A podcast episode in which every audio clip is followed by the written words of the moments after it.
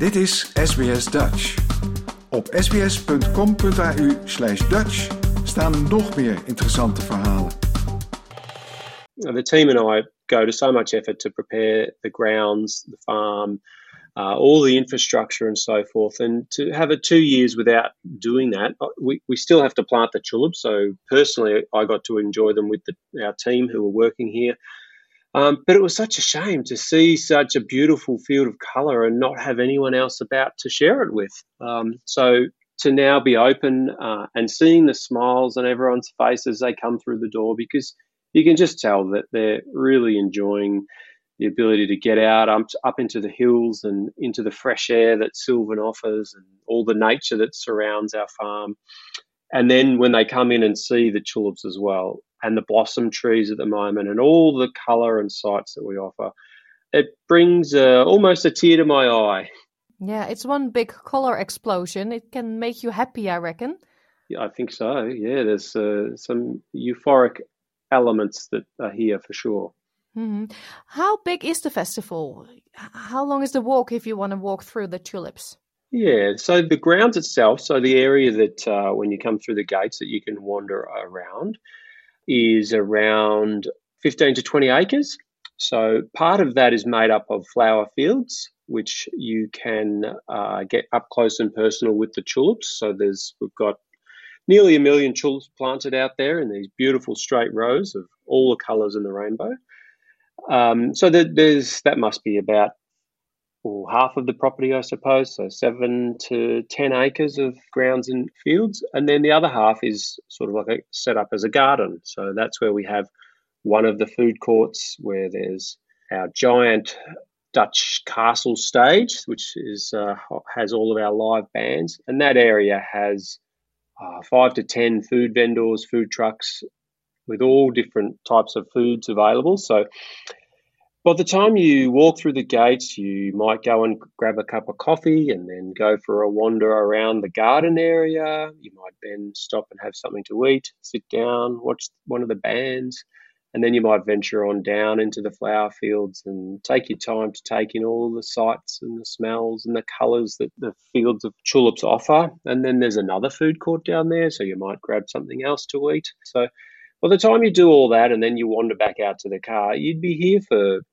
uh, at least three hours. Um, mm. And then if you were to come with family and friends, you might want to bring a picnic in and find a spot under the trees out in the sunshine uh, or out in the open expanse of grass fields and sit down and, and let the kids run around and they'll come and go and you sit down and have a glass of wine with your friends. Mm-hmm. You know, you make a day of it. But all the information and the full schedule of what we're doing, uh, your listeners can find at tulipfestival.com.au. And that's useful to, to look up because there are different things happening on different days. So if you're coming to experience more than just the tulips, then it would be a good idea to look up on the entertainment section to see what's happening on the particular day and, and choose one that suits you. So we have just celebrated the, with the Turkish weekend, or we opened the festival with the Turkish weekend. Uh, and then, as you said, we've got the Dutch weekend. And then we go on to the school holiday program. So the weekdays have children's entertainment. And then we have a food, wine, and jazz weekend. And then at the end of the school holidays, we have Rock the Fields weekend. And then we have an Irish weekend to uh, finish off, to round us off for the season. So there's a lot to get through. There's a lot of entertainment. So, as I said, if there's something particular you're interested in, then I recommend people get onto the website and have a look. Yeah. How did this festival start? Because Tesselaar, it sounds really Dutch. The tulips, it will remind people to the Netherlands. Yes, of um, course. Your grandparents are from the Netherlands, right? Yeah. So Olma and Olpa emigrated from the Netherlands in 1939. Uh, Olpa could see that there was a bit of unrest around Europe. There was depression, uh, not much work.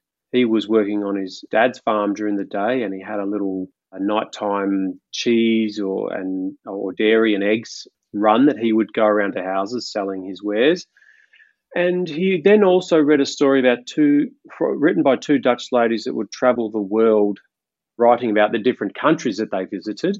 And they travelled to Australia, and then they wrote a glowing report about it being a, a place or a land of opportunity for those that wanted to work hard there was plenty of opportunity. So he sort of put all of those things into the mix and decided, well, he needed to, you know, his future was abroad uh, and away from Europe and the unsettledness in Europe. So, so he went and asked his girlfriend if she would marry him, and then uh, I'm not sure if he told her about the Australia plans at the time or not, but um, she did agree to marry him, and then they they got married and and set off for Australia on their wedding day, essentially on the last boat to leave Europe yeah. before the outbreak of the war. The start of a new life. Yeah, start of a new life. So uh, they had some dreams and a suitcase full of bulbs, and they travelled to various ports in Australia and eventually landed in Melbourne because they were told that that was the most suitable climate for growing bulbs because of obviously the cooler temperature mm. uh, compared to Sydney. Someone at immigration heard that they were looking for some property, so they brought them out to a farm they knew in Silvan and to show them the property, and they fell in love with it straight away.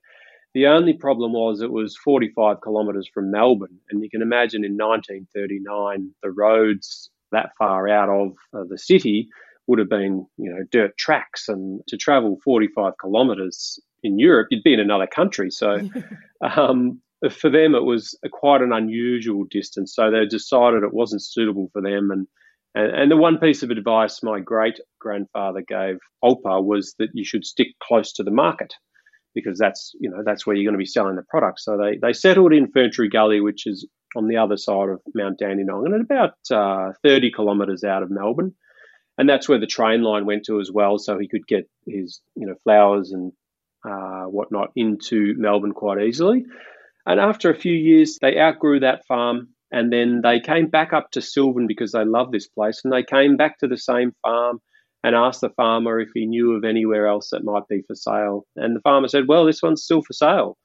So they bought that, and uh, so we've been in Silvan since 1945, and that's and when people come and visit the festival, that's the same farm that we've been on. So wow, farmed by my olpa and my my uncles and my father and all of my aunts, and now farmed by the third generation, myself and and our team. Mm. Yeah, the festival started almost like an accident, right? Yeah, that's right. It was in, indeed an accident because uh, they were farming here in Silvan, which is a there's one main road that goes through Silvan, and uh, the property was located on that. So they were growing their tulips in the front fields, and and by the early 50s, more and more people were buying cars and and going for day trips up in the Dandenong Ranges. And if they happened to drive past our farm in spring, they would see this field of bright coloured flowers. And whilst uh, we weren't the first to import bulbs to Australia, um, many people still weren't aware what tulips were. So they were quite an unusual spectacle. So loads and loads of people were jumping the fence to get a closer look at what the flowers were. And uh, the crowds were so big that by 1954, my grandparents decided that look, enough is enough. I'm, I'm, we're tired of trying to get these people out of the field. They've decided to open the gates and let everyone in, and entry was by way of a donation, uh, which my grandparents passed on to the Red Cross or donated to the Red Cross. So um, that's how it started by accident, and then from there we added facilities all through the ages, um, and we essentially turned it from being the Tulip Farm in to being known as the Tulip Farm to being now known as the Tulip Festival because we've got, as we said before, the live entertainment every day and so many activities happening every single day and um, and so much infrastructure that it's it's really absolutely changed, mm-hmm. absolutely changed, and uh, yes, so quite a long time. Yeah, and those tulips that are growing there, they are there especially for just people to look at them and enjoy them, right? Yes, that's exactly right. Yeah, once upon a time we would pick the flowers and sell them in the wholesale flower market. Nowadays, we don't pick any one of them and we leave the 900,000 bulbs that we've got out there flowering, we leave them for the, the spectacle that they create for people to visit and enjoy. And, and it really is. I've been doing this festival since uh, before I could walk you know, as a as a younger a brother of my siblings, they would carry me around in my Dutch costume, as as was the tradition for all of us, and it was a tradition that we all did. You know, we are brought up with, uh, you know, if you're living in the household, you you have to contribute, and the earliest way we were contributing was by a way of working during the Tulip Festival, getting dressed up in our Dutch costumes and our wooden clogs for photo opportunities. Mm. Um, so the it's it's definitely in in the blood and um, even still to this day, when the fields are a blaze of colour, despite doing it for 45 years, it still takes my breath away. Absolutely does. When it's in full colour, I'll come in, in in the morning when there's hardly anyone about, and you know I just have to pause and take it all in because it's it is a spectacle. It is it's something stunning. that it's really hard to see anything like it anywhere else. Well, in Australia at least, um, is is a field of, of brightly lit colours. Mm, yeah. Your opa Kees and uh, oma Johanna, where did their passion for the bulbs come from? Wow, they well they were born into the trade as well. Um, uh, my opa he worked on his father's flower farm, so he was born into it, where he was you know picking flowers and growing bulbs and buying and selling. And Olma, she comes from a, a line of bulb traders, very successful bulb traders. So her family was all about buying and selling um, and making their money that way. Great So, combination. well and truly, yeah, it was a marriage made in heaven, I Yeah. suppose. And I think the story goes that uh, it was the bulbs that they started with were a wedding present from Olma's parents, which would make sense if they were bulb traders. So they got set off on a on a great path. Mhm, Yeah. You already said you're the third generation. Is the fourth generation ready? Getting ready? Getting ready. Uh, not quite ready. He's 12. Uh, he's going into high school next year. So he's not as passionate about putting on his Dutch costume and clogs as, as I was as a young child. But, um, you know, I, I had, oh, did I have? Five siblings older than me who essentially led the way. So it was easy for me to follow the tradition, whereas he's uh, on his own and he's not much of a trailblazer when it comes to putting on costumes and um, walking around the flower fields for photo opportunities. He's a little bit shy Mm. in that respect. yeah. Thank you very much, Paul, and uh, good luck with the festival. Thank you, Pauline, and uh, do come and say hello if, if you come and come and visit. Wil je nog meer soortgelijke verhalen? Luister via Apple Podcasts, Google Podcasts, Spotify of waar je je podcasts dan ook vandaan haalt.